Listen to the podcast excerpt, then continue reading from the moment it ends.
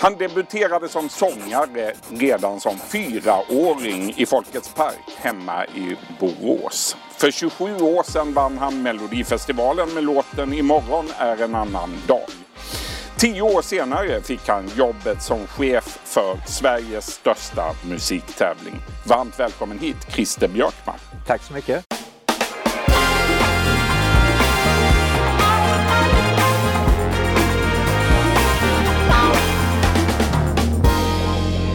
Du Christer, vi börjar från början. Du föddes i Borås, växte upp med mamma Ulla som några år senare blev känd som Sveriges roulettdrottning. Mm. Pappa Stig han försvann när du föddes. Hur skulle du beskriva din uppväxt? Ja, den var ju allt annat än, än normal och tråkig. Eh, det, var, det var ju fullt drag. Jag växte upp väldigt mycket på hotell eftersom min mamma då hade spelföretag. Så åkte hon ju runt och besökte de här rouletterna och eh, så länge det inte var skola i vägen så var jag ju med. Mm. Eh, jag tror att jag utbildade mina första croupiärer när jag var 12. Eh, och det var mitt första helg och sommarjobb mm. var som croupier också. Så att Ja, det, det, var annorlunda. Det var annorlunda. Ja, det var det. Fyra år gammal var du alltså när du ställde dig på scen i Folkets park i Borås. Och du sjöng Anita Lindbloms jättehit Sånt är livet. Amen. Det blev dundersuccé och du bjöds in till det populära lördagsprogrammet Småstad där du fick träffa din stora idol Anita Lindblom. Mm. Vad minns du av det mötet? Eh, inte, inte speciellt mycket. Jag var lite rädd därför att hon var utklädd till clown och satt på en karusell. Och jag skulle gå fram och ta av masken och jag, jag är fortfarande lite rädd för clowner faktiskt sen det där eh, Mm. det där traumat. Eh, du var bara fem år gammal ska vi säga. Det här ja. var 1962. Ja. Och, nej, så det, det, var det är lite blandade känslor. Däremot kommer jag ihåg att jag skulle ju då också sjunga i, i programmet och eh, jag var ju van vid att då gå upp på en scen, ställa mig, sjunga min låt, bocka och buga och tacka för applåderna och gå därifrån en tv-inspelning på den tiden var ju något helt annat. Man kom dit tidigt på morgonen och så någon gång där framåt kvällen så kom programmet och då sjöng man för femte gången eller någonting. Mm. Så att det, det, det, är väldigt blandade upplevelser men, men jag kommer ihåg det, det gör jag mm. faktiskt. Mm. Du eh, sa att eh, ditt första sommarjobb det var att följa med mamma runt om i landet. Men eh, eh när hon reste runt under skoltid Ja. Då eh, fanns det ingen där hemma som kunde ta hand om dig. Då, eftersom hon var ensamstående. Så du hamnade i Svaneholm hos en fosterfamilj hos mm. Hugo och Märta Karlsson. Jajamän. Hur var det? Det var fantastiskt bra. Eh, det var ju något helt annat. Det var ett helt annat liv. Eh, där, där var det precis tvärtom. Där var det ju en, en helt vanlig kärnfamilj. Det var struktur, det var ordning, det var tider.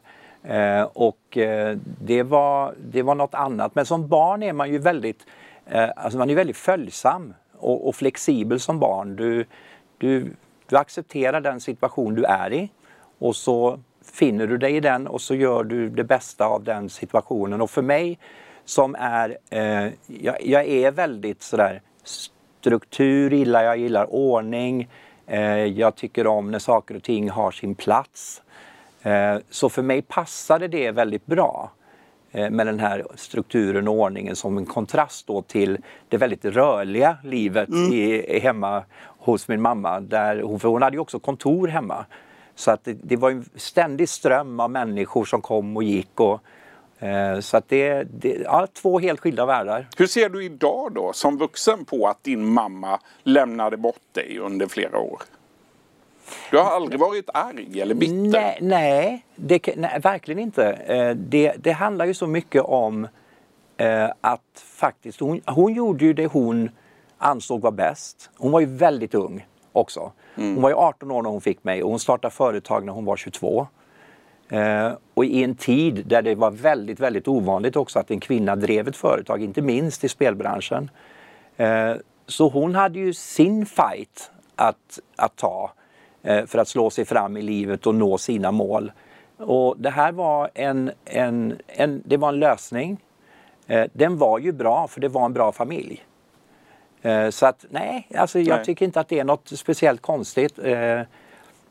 Man kanske inte hade löst det så idag, det vet jag inte. Men, men man måste också sätta allt i, i tidsperspektiv. Mm. Så var det då och det var den enda lösning som, som hon kunde hitta så, som funkade och den funkade. Mm.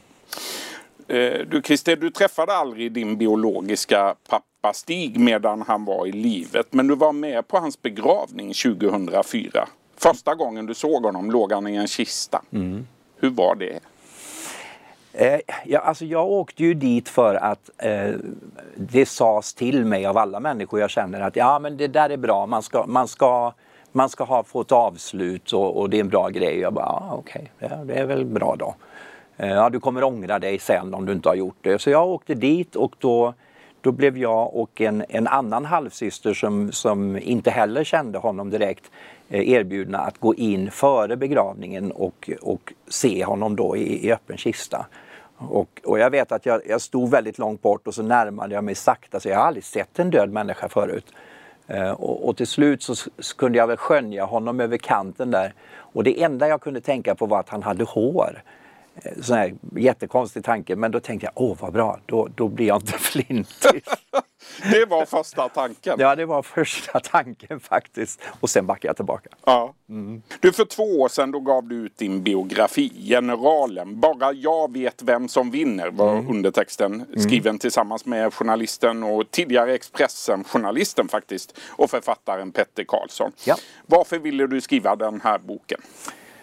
Eh Ja, men jag hade kommit till en punkt när jag visste att jag skulle börja runda av det här äventyret som har varit långt. Eh, det blir ju 20 år nästa år. Mm. Eh, det, är en, det är en stor del av mitt liv men allt det jag har gjort under de åren har också varit en stor del av svenska folkets liv. Det vi gör får ju en effekt på eh, vår, vår låtskatt inte minst och det, det, får människor att sjunga med i saker som vi har presenterat för dem. Så att det finns väl ett, någon slags allmänintresse i det. Och jag ville väl också göra ett bokslut. Jag ville väl, eh, jag ville väl berätta eh, hur det har varit. Eh, var, var, varför saker och ting har blivit som de har blivit och, eh, och fått avslut helt enkelt. Mm. Du berättar om en del tunga händelser också i den här boken. Som 16-åring då råkade du ut för ett sexuellt övergrepp. Mm. En äldre skådespelare gav sig på dig. Hur har den händelsen påverkat dig? Ja, den har påverkat mig väldigt mycket eh, genom livet. Eh, på både gott och ont faktiskt. Eh, den har eh, den, det, det, blir ju en uppförsbacke i självbild som man måste jobba med väldigt länge innan, innan du tror att du är värd något. Man, man skuldlägger ju sig själv. Eh, det, ja, det är mycket att hantera med det där. Eh, och, och det tog väldigt lång tid innan jag förstod och accepterade att jag nog kunde bli älskad bara för den jag är, inte för att jag är till lags. Det var en lång process? Det var en lång process och, och det påverkade mitt känsloliv eh, långt in i 30-årsåldern skulle jag säga. Mm. Eh, faktiskt. Du har sagt att du insåg tidigt att du var homosexuell när du gick i sjuan. Men när du vann Melodifestivalen 1992, då var du 35 år mm. och då förnekade du din läggning mm. offentligt. Mm. Varför då? Ja, det är en jävligt bra fråga. Uh, ja, varför gjorde jag det? Alltså, det var, jag, jag tyckte så här igen, det, nu kommer vi till det här med vad man är värd och inte värd. Eh, det var så oerhört många människor som, som hjälpte till att få det här att hända, att jag skulle få vara med i det här. Eh, det fanns människor som, som satsade energi, kraft, pengar eh, i att jag skulle få göra det här. Och... Accepterade inte de att du var homosexuell? Jo, de accepterade att jag var homosexuell. Privat. Men när man ska bli en offentlig figur så plötsligt ställs det någon annan slags tiden då. Det var inte riktigt där. Det var inte riktigt klart att man kunde kliva ut som en nykläckt artist och säga att jag är gay och så var det okej. Okay. Ehm, men det är klart att jag kunde ha bestämt det själv. Mm. Det är klart att jag inte borde ha backat på det. Känner du så idag? Ja, det, det gjorde jag ganska, egentligen ganska kort efteråt. Eh, redan när, jag, när det liksom hände. Grejen var så här, ingen trodde att jag skulle vinna. Det var ju inte därför jag var med. Jag var ju där för att få uppleva en dröm som jag hade haft. Mm. Och sen skulle det bli, bli fest och sen skulle jag åka tillbaka till Monaco och fortsätta mitt jobb. Och så går du och vinner? Ja, så går jag och vinner. Och det är ju sådär, jag hör ju en liten röst på väg, alltså från green room upp till scenen när vi ska sjunga om. Ett, en liten viskning, ligg lite lågt med det där bögeriet. Du vet, någon, någon sån liten. Det, och det är det sista jag har med mig upp när jag går upp på scen och sjunger om. Eh, och sen är det ju så här att det har ju iscensatts ett scenario runt mig här som jag inte riktigt är medveten om. Vilket är då att min bästa kompis från Frankrike, Jenny, är den som skyfflas upp på scen först och mm. gratulerar mig först. Så att det, lite, Man vill ge sken av att det är Ja, men jag är lite i händerna på, på ett, ett händelseförlopp som jag inte riktigt helt styr själv. Men det är klart mm. att jag skulle ha gjort annorlunda. Mm. Vi ska komma tillbaka till det där med segern i Melodifestivalen. Men först, eh, du drömde som ung om att bli jurist har du sagt. Mm. Istället hamnade du som 19-åring i New York. Du mm. utbildade dig till frisör och du bodde nästan på eh, Studio 54. Ja. Studio 54. Amen. Där du dansade med Grace Jones, Mick Jagger och John Travolta bland annat. Mm. Ja. Hur, hur minns du den tiden? Nej, men det var ju fantastiskt. Alltså, jag hamnade ju då i, i New York på grund av att min styvfar eh, Stefan Persson blev proffs i New York Islanders och sedermera vann fyra Stanley Cup i rad. Bra! eh, det var häftigt. Eh, och, då, och då hade jag ju skrivit in mig i Lund, jag skulle börja plugga i Lund. Eh, och så kom det här och då kände jag bara att hallå, New York, eh, jag ska precis fylla 20 år, jag kan inte missa det här, det går inte. Så att jag tänkte jag tar ett sabbatsår. Och då tänkte jag så här att jag vill göra någonting helt annat, något som inte har med teori att göra och plugga och sådär. Så att, ja, Frisör. frisörskola kanske, kan vara kul. och du blev kvar i New York i två år, sen återvände ja. du hem till Ja, Borås. sen åkte jag, vände jag hem. Ja, men då hade jag ju ett val. Mm. Och det, det ställdes jag inför och det var det var ju min mycket pragmatiska mor som satte sig ner och sa så här, okej, okay, du har ju att välja på nu då att bli en av 10 000 frisörer i New York eller så blir du den enda frisören i Borås som är utbildad i New York. Vad väljer du? ja, jag väljer nog att åka till Borås och öppna en salong och mm. vara den där och skapa mig en profil. Frisersalongen Capello Bella. Ja, och där eh, stannade du några år eh, men samtidigt började du återuppta musikkarriären. Mm. Den som började när du var fyra år gammal. 1984 då blev du etta på skivstafetten. Det program som då hade ersatt eh, Svensktoppen. Ja. Mm. Låten hette Leken blev nästan sann. Mm. Var det här en dröm som blev sann för din del? Ja, låten, eh, ja, det var det ju absolut. Eh, låten handlade ju om eh, faktiskt en av mina första eh, försök till att ha en, en relation med en man. Eh, som började som en lek och så blev det nästan sant. Eh, men ja. Det visste inte publiken. Nej, det visste inte publiken du. Nej men det var ju så att jag, jag hade ju sjungit såklart hela tonåren och varit med i massa talangtävlingar och sådär som, som alla gör som, är, som gillar att sjunga. Eh, och eh, det, det fanns ju en dröm och drömmen egentligen för mig var inte det var inte skapandet, det var egentligen inte framförandet, att stå på scen. Jag hade egentligen inget budskap så. Eh, jag ville bara vara med i Melodifestivalen. Det var, det var liksom det som, sen jag såg Claes-Göran Hederström vinna med Det börjar verka kärlek banne mig, så var det det som var den uttalade drömmen. Mm. Och den 14 mars 1992 då blev drömmen sann på mm. riktigt. Det tog tid du. Ja, det tog tid. Ja. Men då hamnade du i alla fall på Cirkus scen i mm. Stockholm. Och du tävlade med låten Imorgon en annan dag. Ja. Hur stort var det för dig?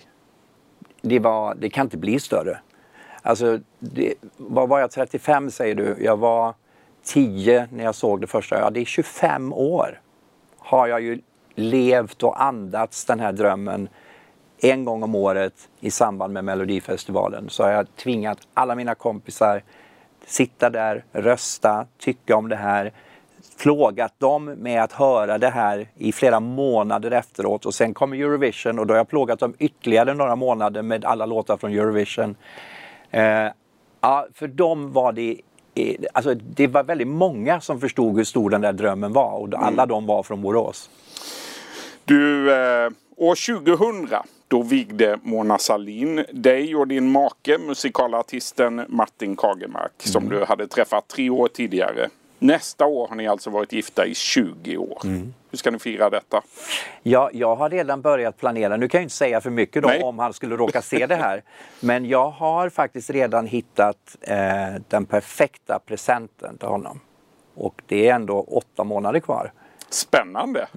Har du köpt den också? Nej. Nej, men jag har tittat ut den och jag vet, eh, de, de som jag har tittat ut den hos vet att jag ska köpa den. Blir det ett stort firande? Ja, det hoppas jag. Ett, ett stort och varmt och hjärtligt och härligt firande. Du Melodifestivalen igen då. Drömmen som du nu har levt i så många år. För 2002 då fick du jobbet som artistansvarig för den här tävlingen. Hur skulle du beskriva de här åren sedan 2002? Ja, alltså det är ju en, en, en, väldigt lång tid och den har inte varit likadan hela tiden för jag har, jag har utvecklats med den och jag har utvecklat den, alltså tävlingen. Du har inte ångrat att du i maj i år faktiskt gick ut och sa att nu börjar slutet närma sig. 2021 blir det sista. Ja, nej, alltså det är rätt. Eh, Det är så här, eh, för alla skull, för formatets, för tittarnas, för min skull, så är det bra att det kommer in något nytt. Eh, Jag, hade säkert kunnat sitta där som en cementkloss i tio år till. Men det hade inte varit rätt. Vad säger du till dem som menar att man måste vara kompis med Christer Björkman för att få tävla i Melodifestivalen? vad ska jag säga om det? Eh, det, är väl, det är väl inget skadligt att vara kompisar överhuvudtaget skulle jag säga. Eh, det är väl mycket bättre att vara det än att vara fiender, tänker jag. Verkligen. Ja, eh, nej men alltså allting i hela livet bygger på relationer och ens förmåga att skapa relationer med andra människor. Eh, ja, det funkar bra här också. Eh, men det är inte det avgörande och det kan, du, det, det kan du faktiskt få väldigt många vittnesmål om från sådana som anser sig ha varit väldigt nära mig och där det inte har hjälpt att komma med. Eh, då är det upp till dem att stå över det och fortsätta att visa att vi är vänner på riktigt. Eh, och inte bara att vi var det för att de såg en fördel i det.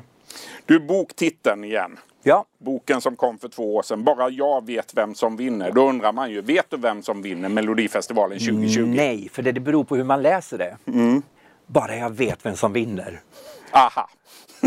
man ska lägga betoningen på ett Ja. annat sätt. Exakt. Tror du att du vet vem som vinner? Ja, det är ju det jag, det är ju det jag tror. Och så blir det inte så. Alltid.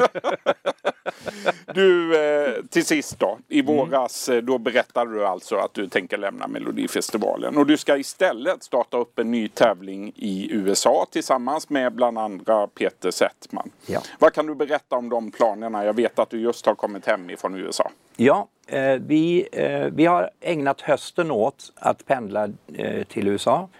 Vi har omformat Eurovision-formatet till att fungera på den amerikanska marknaden.